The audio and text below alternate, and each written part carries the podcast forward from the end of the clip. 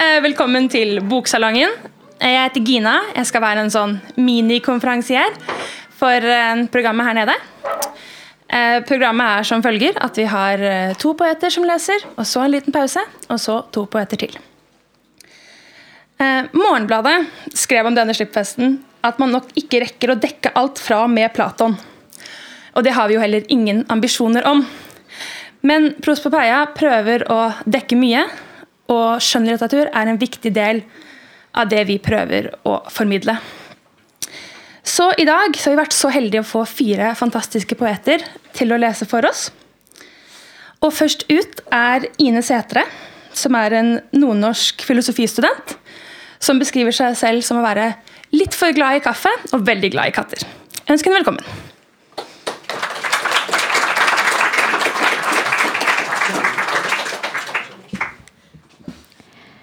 Kroppen din sitter i ølsøl, pisspreik og latter.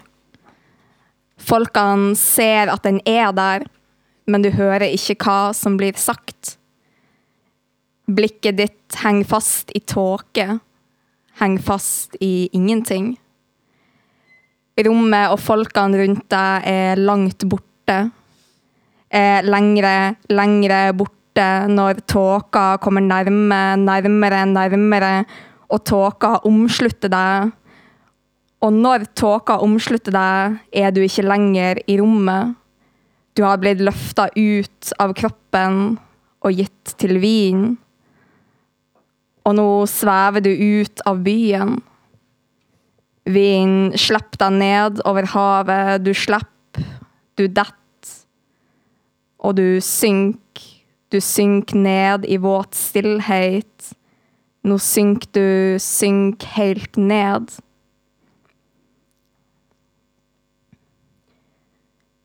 Du stryker hendene mot bordplata, kjenner grove ujevnheter i treverket. Du hører ord, hører navnet ditt. Du plukker steiner opp av lomma, skraper fingertupper mot skarpe kanter. Du hører setninger, hører gjennom tåka. Går det bra? Du nikker, bretter hendene rundt det fuktige ølglasset. Kulda sprenger seg gjennom huden. Du ser folkene klarere, klarere. Ikke helt klart. Du går ut. Det regner lett. Tenne en røyk, lene deg mot veggen. Stikk venstre hånd inn bak ryggen. Legg håndflata mot hard, kald murvegg. Presse tåka ut. Du kjenner deg sjøl flyte opp, gispe etter luft, kaldt så kaldt. Men du hører trafikken. Du ser folkene. Takk.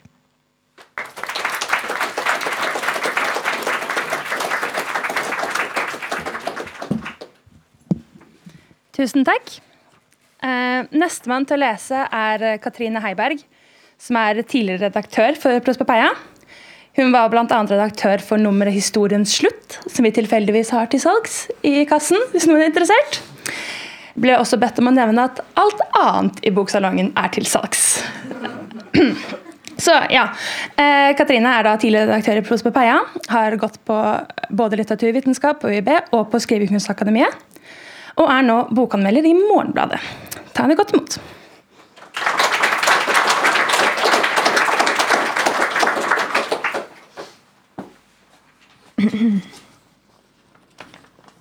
Det er lov å lukke øynene. Hvorfor denne viljen til liv? Trangen til å skjønne og male. Det gule bladet i det gule sollyset. Den svarte pupillen i den svarte natta. Hvor opprevet levende man kan bli. I gleden kan det hjelpe å gjøre hendene fri fra regimene. Fanget, lommene, folden. Tenker jeg etterpå. Å fjerne bindet fra munnen, slippe smitten løs og la latteren forplante seg. Man skal ikke bare være trygg. Man må være lett også, for å kunne løftes. Ikke bare lett, koordinert også, for å kunne danne én linje, og slik holde seg oppe, selv uten styrken. Men havner man i hendene på ordensmakten, er det jordas egen tyngdekraft man skal hengi seg til.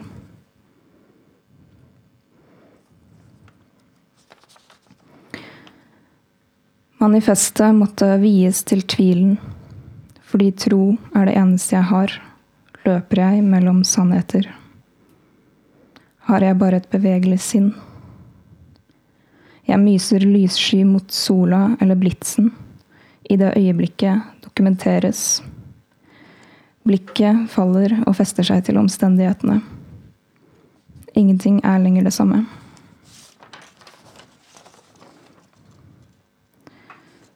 Øyeblikket kan ikke dokumenteres. På bildet ser du et avbrutt sekund.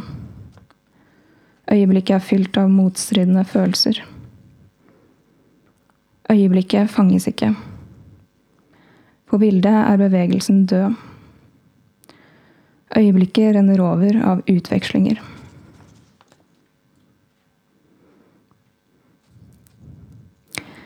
Jeg kjenner på en tvang. Døgnet kveiles om seg selv. Sola stiger og synker. Månen lyser og blekner. Eggene løsner uavvendelig. Utløsningen kommer, før eller senere, avhengig av selvkontrollen eller avtalen. Jeg lengter etter spontanitet, men ingenting er så egenrådig.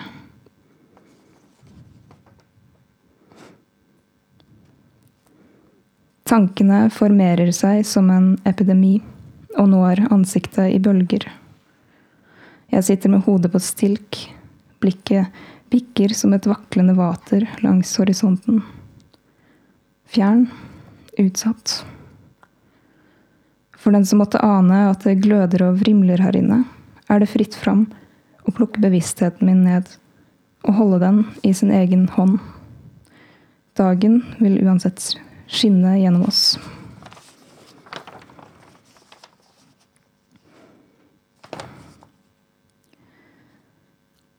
Det er allerede siste dag i november, men musikken opphøyer smerten. En annen tyngdekraft innsettes.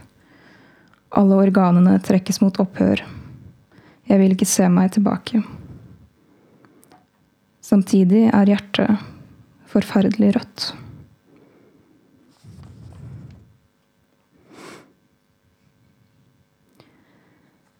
I en verden av stemmer kom jeg forseglet. Det ble sagt at ansiktet mitt var vitne. Men om hva? Jeg kunne ikke svare. Noen sa det finnes noe uhørt bak disse øynene. Eller var det det jeg forestilte?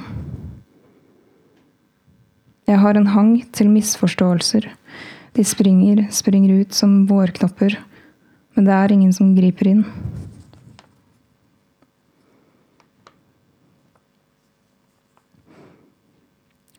Jeg setter noe til verden med berøring, men vi vil fortsatt sette det urørte høyest.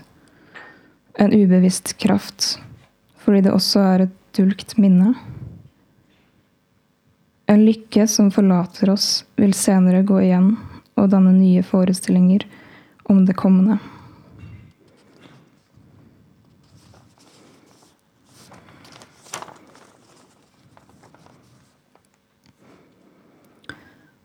Det skjer til alle tider. Noen trekker en overbevisning over kroppen. Et filter legger seg over alle sansene. Og handlingene kommer ut helstøpte, skjærende. Likevel er det ikke til å tro når en lukket virkelighet folder seg ut og etterlater nye skygger.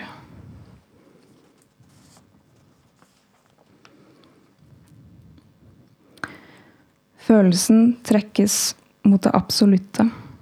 Den vil bare én vei, og det er ikke rettferdig, for den står på livet.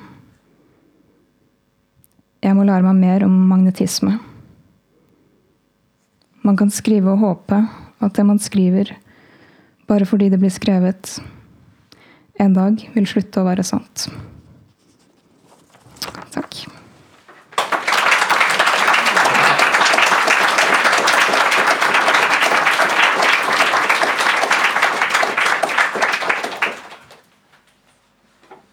Nå, som nevnt, tar vi en ti minutters pause.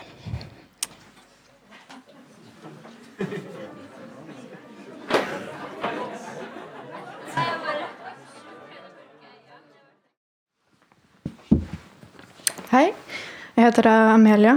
Eh, Jeg vil bare starte med å si at jeg har bodd i Bergen i snart eh, to år. Og eh, det jeg skal lese i kveld, er et resultat av de observasjonene jeg har gjort meg av en eh, viss gruppe mennesker som både får og tar ganske mye plass i denne lille byen. Eh, Det kommer mye fortjent skryt deres vei, men eh, jeg vet at jeg ikke er den eneste som eh, synes at det bildet de skaper av seg selv, ikke alltid er like nyansert. Så det handler mye om å se og bli sett. Det blir ikke så poetisk denne gangen, men ja, dere får bære med meg. Vorspiel, nachspiel etter festen. Klokken bikker elleve, og i en seng i en leilighet i en by vekkes en ung musiker brått av måkeskrik. Det ligger en kropp ved siden av han. Han kjenner henne ikke, men han lar henne ta på ham. Han lyver med blikket, med pusten, med fingrene. Sier hun må gå. Han skal møte en venn og potensiell samarbeidspartner. Skal dere lage noe nytt sammen, spør hun. Godt mulig, men det er fortsatt litt hemmelig, tillater han seg å svare mens han ser på hvordan hun samler alle tingene sine, smetter ut av døren og inn i regnet. Puten lukter av henne. Det ligger flere mørke hårstrå igjen på lakenet.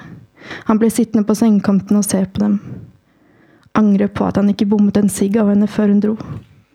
Klør seg på leggen med tærne og går i dusjen for å runke. Ute nærmest svever han bortover asfalten. Går den samme veien hver dag, studerer bildene som dukker opp av menneskene på skjermen fra skyggen under capsen. Krysser veien idet han hører navnet sitt bli ropt. Sorry, jeg forså meg. Igjen. De blunker til hverandre, sier takk for i går. Klapper hverandre på skuldrene og etterlater seg hvert sitt spytt på bakken. Så tar de en kjapp kaffe for å tydeliggjøre for alle bekjente på stedet at de er svært opptatte og straks må tilbake i studio. Men de bevarer roen. Tar seg den tiden det krever å lage kunst. Gummien under føttene smelter sammen med det persiske teppet fra Ikea, i takt med biten som legger grunnlaget for det som skal komme nå. Han smører på med noen samplede sekunder fiolin fra albumet faren hans pleide å spille om sommeren. Nå er de inne på noe.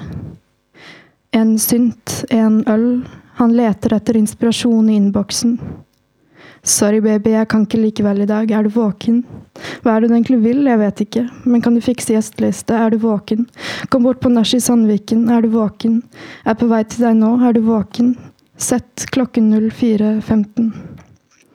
Arbeidet dokumenteres ikke i timelister, det observeres. Han teller antall visninger, går ned på kne og legger seg på asfalten for likes. Tar betalt i blikk fra jenter i baren, men går fort lei når ingen skjønner greia. Han er tingen de vil ha, men han er en snill fyr. Han bare har ikke følelser for noen, kan det være så vanskelig å forstå? Frustrasjon får utløp i tekstene. Der ber han om unnskyldning, men viser samtidig forståelse for at det er lett å forelske seg i en som han. Moren hans er kjip, og onkel går på Nav. Det er en dybde i teksten hans som anmelderne ikke evner å forstå.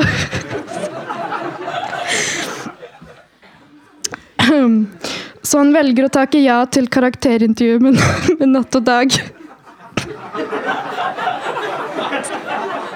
Unnskyld meg.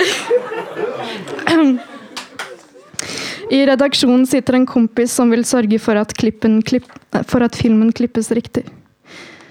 Ute på et utested, ikke snakk om å stå i kø. Tiden hans er kostbar, de kan bare vente bakerst, de der vennene som følger med. Vakten ber han om å forlate stedet, men det er heldigvis hjelp å få. Nok en slapp øl trykkes i hånden, og mannen bak bardisken ler. Er han helt ute, eller vet han ikke hvem de er? Idet rusen går ned, er det på igjen på tide å komme seg opp. Opp i skyene, opp i posisjon, inn i andres hjem, la skoene være på. Røykskyene forsterker komplimentene. Det, er, det lyser i øynene som hviler på han. For et liv han lever. Det er ikke lett å være mann. Grenser er relative, utroskap kunne et komma. Det gjelder å se en annen vei når alle vet, men ingen sannheter er skrevne. Hvor har du vært den, spør hun, hvem var du med? Dette handler ikke om deg, sorry, det vet du. Jeg vet jeg er for sein, men du kan være glad for at jeg kom. Takk.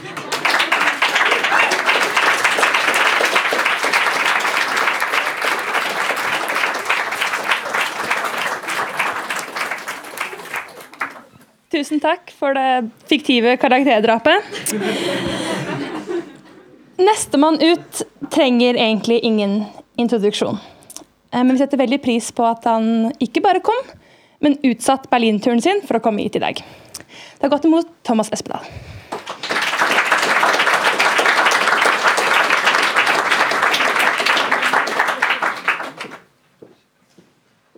Ja, men takk for det. Det, jo, det er jo også min eh, debut i et uh, tidsskrift. I et uh, litteraturtidsskrift. Og det finnes jo nesten ikke litteraturtidsskrifter igjen, så eh, det er faktisk utrolig godt å se et tidsskrift som handler om litteratur, og i tillegg har åpnet opp for at det går an å sende inn både dikt og noveller og, og, og tekst. Det er jo verdien av prosopopeia og Lasso i, i, i Oslo. Um, en grunntekst for meg har alltid vært uh, Platon uh, Drikilde i Aten. Og allerede i debutboken min så heter en av hovedpersonene Faidros. Faidros er jo den som stråler. altså Navnet hans betyr 'den strålende'. Og på en måte så var jo uh, det som fascinerte meg med, med, med Platon og uh, Hva er en forelskelse? Altså hvor, hvorfor forelsker en seg i den en forelsker seg i? Og Hvis en ser bort fra det seksuelle blikket, så er det da skjønnheten, altså det som, som, som faktisk Sokrates sier. At skjønnheten, Freidos, merk det vel, er det eneste guddommelige og synlige på samme tid. Så denne teksten eh, begynner da med, med Platon. Du ser på en gutt med et forelsket blikk, og like bak skulderen til han ser du et ansikt. Et ansikt som vokser frem bak ansiktet over skulderen. Som et ansikt over ansiktet. Det er hun. Forelskelsen flytter seg fra et ansikt til et annet, til ansiktet bak. Men det er ikke mulig uten ansiktet foran. Det første ansiktet, det åpner øyet. Du sitter med et forelsket blikk, og blikket flytter seg fra et ansikt til et annet.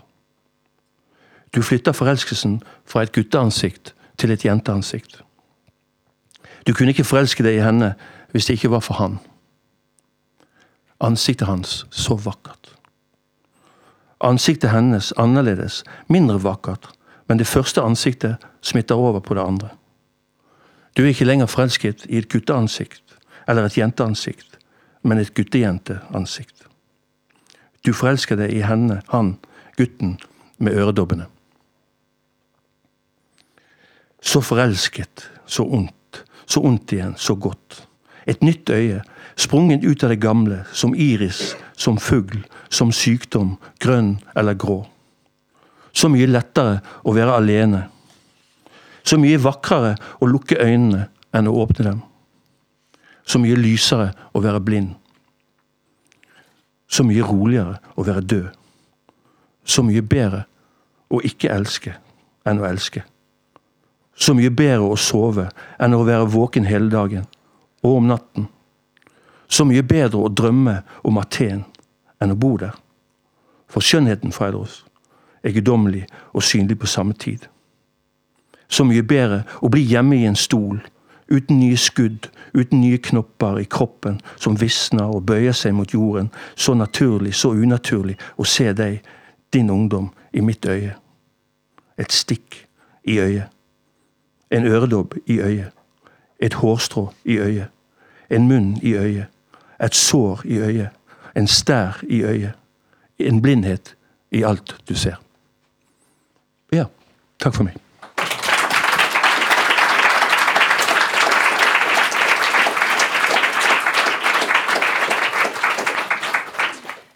Tusen takk. Eh, tusen takk til alle som har lest. Nå er vårt eh, program ferdig for dagen. Men dere er mer enn velkomne til å bli igjen. Ta et glass vin eller øl eller det dere ønsker. Og hygge dere. Vi har også åpnet inn til Fossestua, så det er også mulig å trekke inn dit.